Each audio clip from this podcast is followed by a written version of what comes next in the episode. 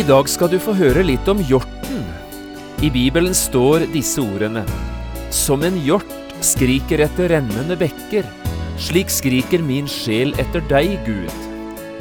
Jeg vet ikke om du har hørt en hjort skrike. Jeg har aldri hørt det.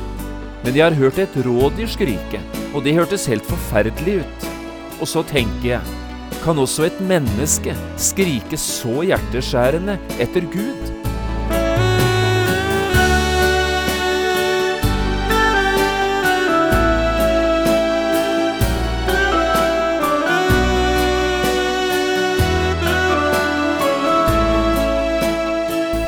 Hjertelig velkommen til et nytt program i serien Vindu mot livet. Programmet er produsert av Kristen Riksradio og blir ledet av Jon Hardang. Kristen Riksradio drives av frivillige gaver. Vi er glade for din støtte.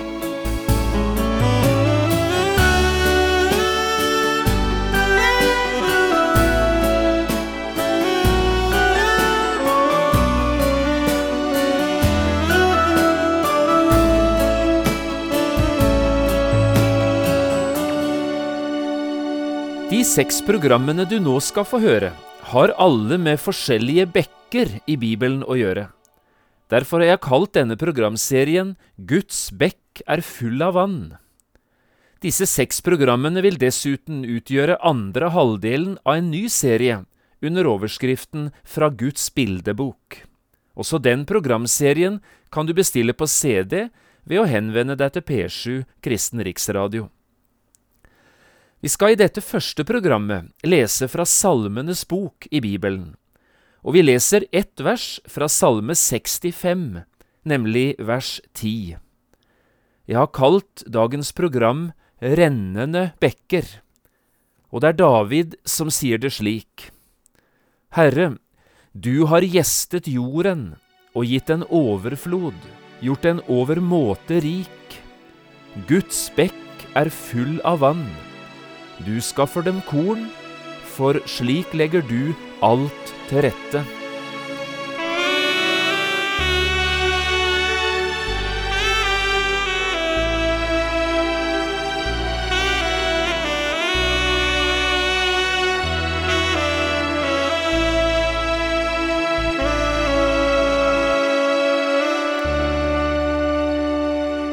Det er mye tale om bekker i Bibelen kanskje mye mer enn en skulle tro. Det tror jeg du vil oppdage i løpet av de seks programmene som vi nå er i gang med. Her i Norge er vi jo godt kjent med bekker, både de store bekkene og de små. Og akkurat slik var det også i Israel. Derfor er det ingen stor overraskelse for oss at det i Bibelen er snakk om bekker og bekkeleier, ganske mye faktisk. Bekkene i Israel hadde sin årsak i ett av to forhold. Enten kom vannet som rant nedover i bekken fra en kilde eller et oppkomme, ei olle som min far kalte det. Ellers ble bekkeleiene fylt opp av vann som rett og slett skyldtes snøsmelting eller regntid. Den best kjente elven i Bibelen er nok elven Jordan. Noen deler av denne elven ser ut som en elv sett med norske øyne, mens andre steder, der er elven ikke bredere enn at den ligner på en god norsk bekk. Denne elven Jordan har tre kildespring, og alle tre ligger oppe under fjellet Hermon, helt nord i Israel. Mest kjent er nok kilden i Cesarea Filippi, eller Banjas, som stedet kalles i dag. Det var jo her Peter avla sin store Kristusbekjennelse på vegne av hele disippelflokken. Du er Messias, den levende Guds sønn. Men her oppe i Cesarea Filippi, her strømmer vannet fram, det kommer rett ut av fjellet, som fra en stor, skjult kilde. Og nettopp fordi Jordanelven har slike stabile kilder, så er også vannføringen relativt stabil. Andre bekker derimot er langt mer ustabile. I regntiden eller snøsmeltingen er disse bekkeleiene helt fylt opp av vann. Men utenom regntida, på vinteren eller på våren, da kan slike bekkeleier ligge helt tørre og ligne harde, oppsprukne grøfter. Disse bekkene er ustabile, av og til er det vann, og av og til er det ikke vann. Det er disse siste bekkene som Jobb tenker på når han et sted i sin bok skriver litt om venner og om vennskap. Jeg tenker på et lite avsnitt i kapittel 6, på vers 14 og 15. Her skriver Jobb om hvordan venner burde være, men også litt om hvordan venner ofte er. Hele Jobbs bok er jo skildringen av forholdet mellom Jobb og vennene hans, så det er ikke det minste rart at det her blir sagt en god del ting nettopp om dette med venner og vennskap. Hør nå hva Jobb skriver i kapittel 6, 14 og 15. Den ulykkelige burde møte kjærlighet hos sin venn, så han ikke skal oppgi frykten for den allmektige. Det er altså slik venner burde være. Men så fortsetter Jobb, og nå forteller han hvordan venner ofte er. Mine brødre har sviktet som en bekk. Elveleiet var fylt med vann, men så blir det borte. Venner kan svikte, sier Jobb. Det har jeg opplevd. Og venner kan svikte, akkurat som bekkene i Israel. Kanskje vi skulle gjøre en liten stopp akkurat her, så vi kunne få tid å reflektere litt. Hvordan er mine venner? trofaste eller svikefulle? Og kanskje enda viktigere, hva slags venn er jeg? Hvordan oppleves jeg av de jeg kaller mine venner? Er jeg en som det går an å stole på, eller er jeg like svikefull som ustabile bekker i Israel? Vi forstår i alle fall godt hvordan det skulle være, men vi vet også nokså mye, tror jeg, de fleste av oss, om hvordan dette i virkeligheten er. Tenk om du og jeg virkelig kunne være gode, stabile, trofaste venner. Det skulle være som en Guds gave til våre medvandrere. Nok om dette. Men det er eh, nettopp dette med bekken i Israel, som altså er nokså ustabile og svikefulle, det er dette som danner bakgrunnen for det vi leste om i dag, nemlig verset fra Salme 65, 10. Her sto det blant annet slik, midt inne i verset, Guds bekk er full av vann. Guds bekk, altså i motsetning til mange andre bekker, den svikter ikke. Gud er en du kan stole på. Gud er en du kan regne med. Det Han har lovet å gi deg eller være for deg, det kan du være helt trygg på at dette får du. Guds bekk er full av vann. Og dette gjelder alt som vi kan kalle for Guds bekker, for det er faktisk ganske mange av dem.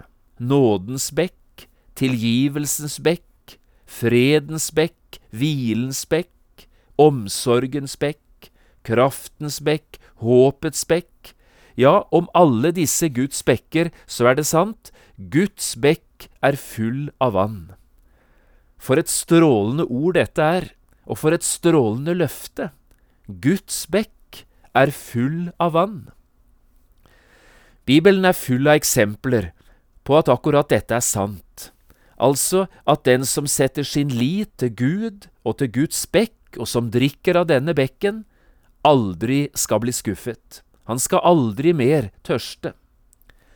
Jeg vet ikke om du husker historien om den samaritanske kvinnen som Johannes forteller om i sitt evangelium i kapittel fire.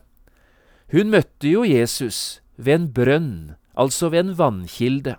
Hit kom hun med sin krukke midt på varmeste dagen for å hente vann. Jeg vet ikke om du husker hva Jesus sa til denne kvinnen etter at han hadde fått kontakt med henne. Hver den som drikker av dette vannet, blir tørst igjen, sa Jesus, altså om vannet i brønnen. Men så fortsatte han, men den som drikker av det vann jeg vil gi ham, han skal aldri i evighet tørste, men det vann jeg vil gi ham, blir i ham en kilde med vann som veller fram til evig liv. Hva annet er dette enn det som står i Salme 65, Guds bekk er full av vann. Eller jeg tenker på det Jesus sa en dag han sto fram i Jerusalem, helt på slutten av en av jødenes store høytider. Også dette er fortalt i Johannesevangeliet, i kapittel 7, vers 37 til 39.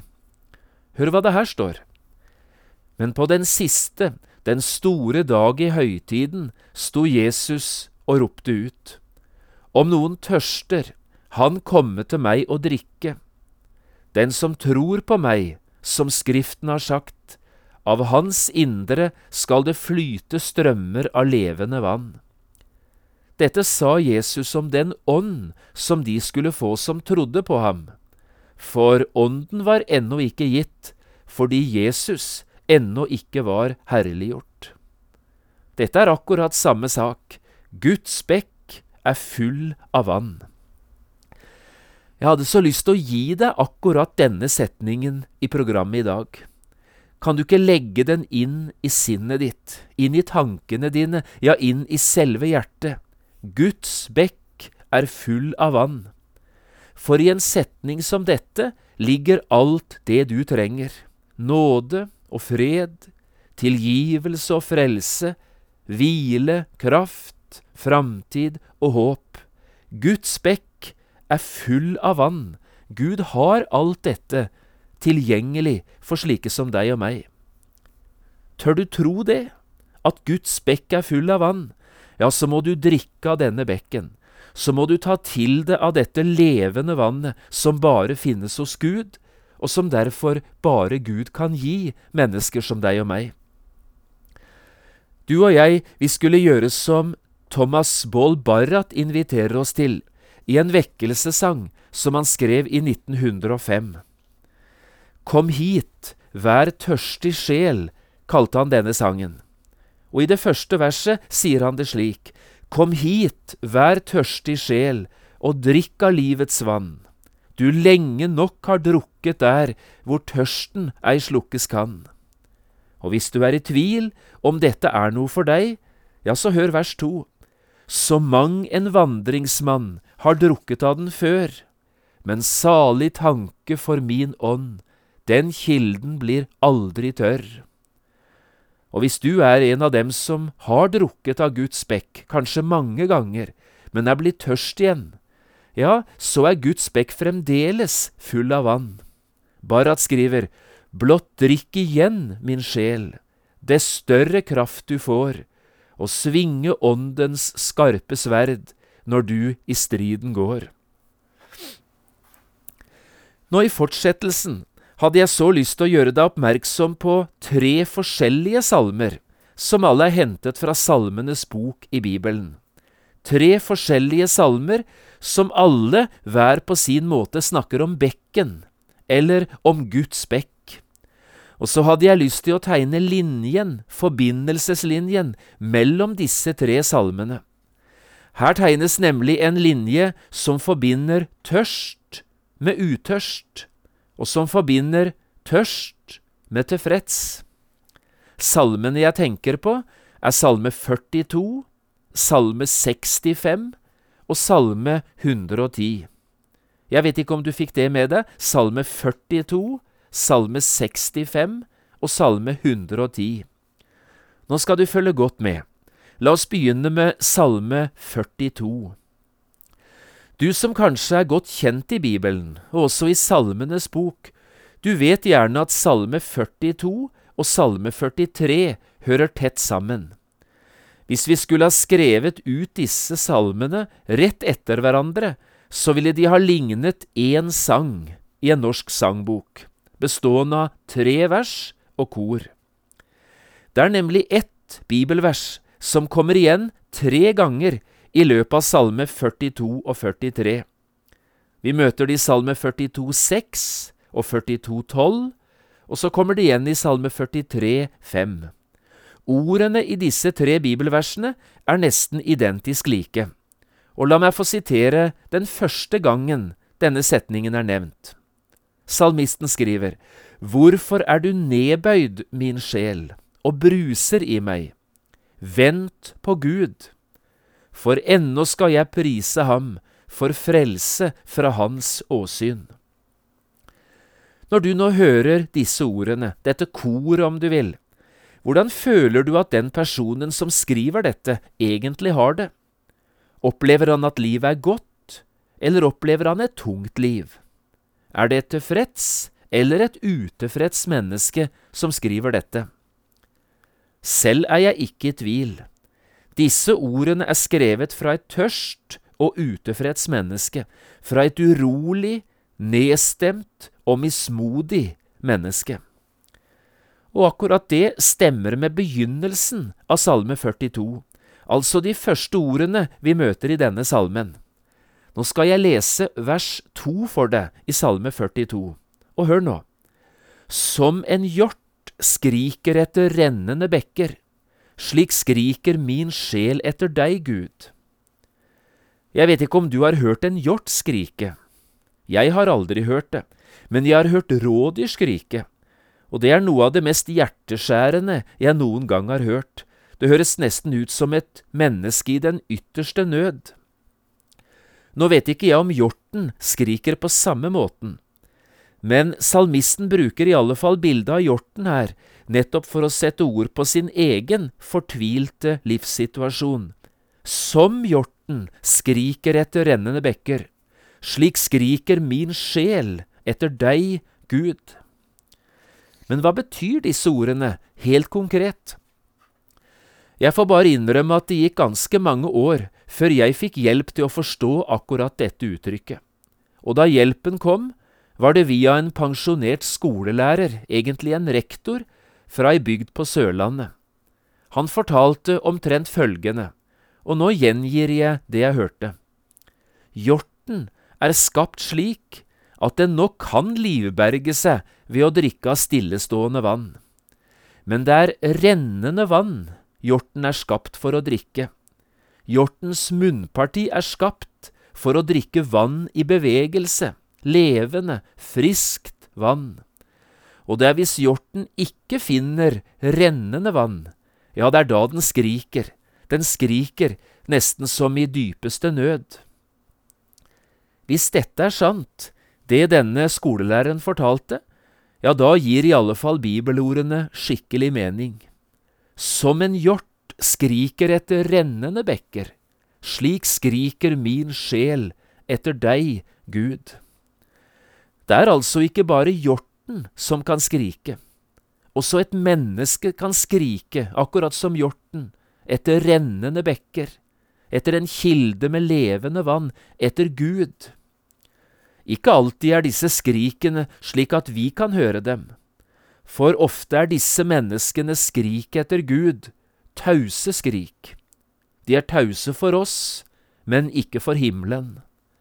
Gud registrerer hvert eneste taust skrik, og registrerer hvert eneste nedbrutt og fortvilt menneske som roper etter Han. Var det ikke akkurat det Augustin, rebellen fra Nord-Afrika som siden ble kirkeleder, var det ikke nettopp slik han sa den gang? Vårt hjerte er urolig inne i oss, sier Augustin, inntil det finner hvile hos deg, Gud. Kanskje snakker jeg akkurat nå til en som har det akkurat på denne måten. Du har vært urolig lenge, nedstemt er du og mismodig, men du har aldri klart å døyve denne smerten eller kvele ropet, skriket etter Gud. Du ligner på hjorten, som skriker etter noe som kan tilfredsstille, noe som kan fylle tomrommet og lindre tørsten. Men kanskje vet du ikke hva du egentlig skriker og roper etter i din taushet. Hør nå, du skriker etter Gud. Du lengter etter din skaper, etter ditt egentlige opphav og han er ikke så langt borte fra deg som det du kanskje tror. Det er faktisk han som taler til deg her og nå, gjennom sitt ord. Og han mener alvor når han i dag sier til deg Guds bekk er full av vann. Kan du ikke prøve å bøye deg for Gud og drikke, akkurat sånn som du har det nå? Ta ordet hans på alvor, ta det til deg og innrett deg etter det. Det kan bli ditt livs store forvandling. Den andre salmen var altså salme 65, og det var den vi leste fra i begynnelsen av dette programmet. Hør nå ordene en gang til i begynnelsen av dette verset. Salmisten sier til Gud, Du har gjestet jorden og gitt en overflod, ja, gjort den overmåte rik. Guds bekk er full av vann. Det er altså noen som har vært på besøk her i vår verden. Det har vært besøk hos oss fra en annen verden. Den usynlige verden har besøkt vår synlige verden. Og du vet ganske sikkert hvem det er som har vært på besøk. Det var Jesus, Guds enbårne sønn, som kom. Og da Jesus var her, ola han seg jo nettopp slik, når han skulle vise oss forskjellen mellom det som er godt og det som er vondt. Jeg tenker på Johannes 10, 10. Tyven kommer bare for å stjele og myrde og ødelegge. Vi er ikke i tvil, er vi vel, om hvem denne tyven er. Dette er djevelen, han som alltid er ute for å stjele og ruinere og legge menneskenes liv øde. Men så fortsetter Jesus. Jeg, sier han, jeg er kommet for at de skal ha liv og ha overflod. Heller ikke nå er vi i tvil om hvem dette passer på. Dette er Jesu ord om seg selv. Han er jo kommet ikke for å ta liv, men for å gi liv, ikke for å ødelegge, men for å gjøre menneskenes liv hele og perfekte.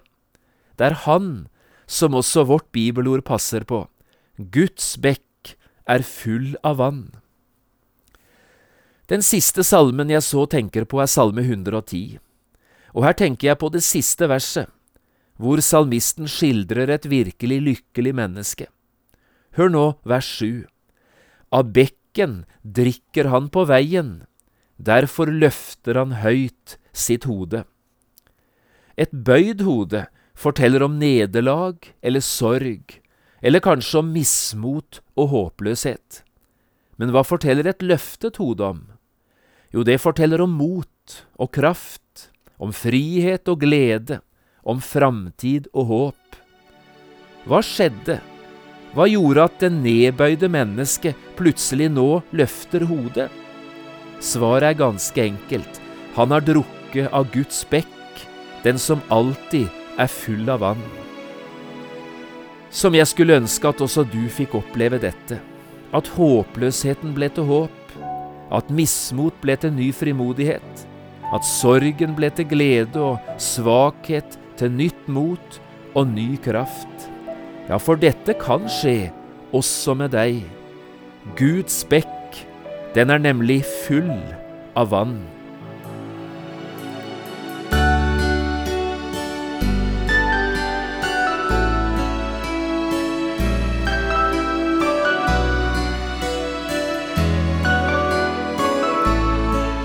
Du har hørt på et program fra serien Vindu mot livet med John Hardang.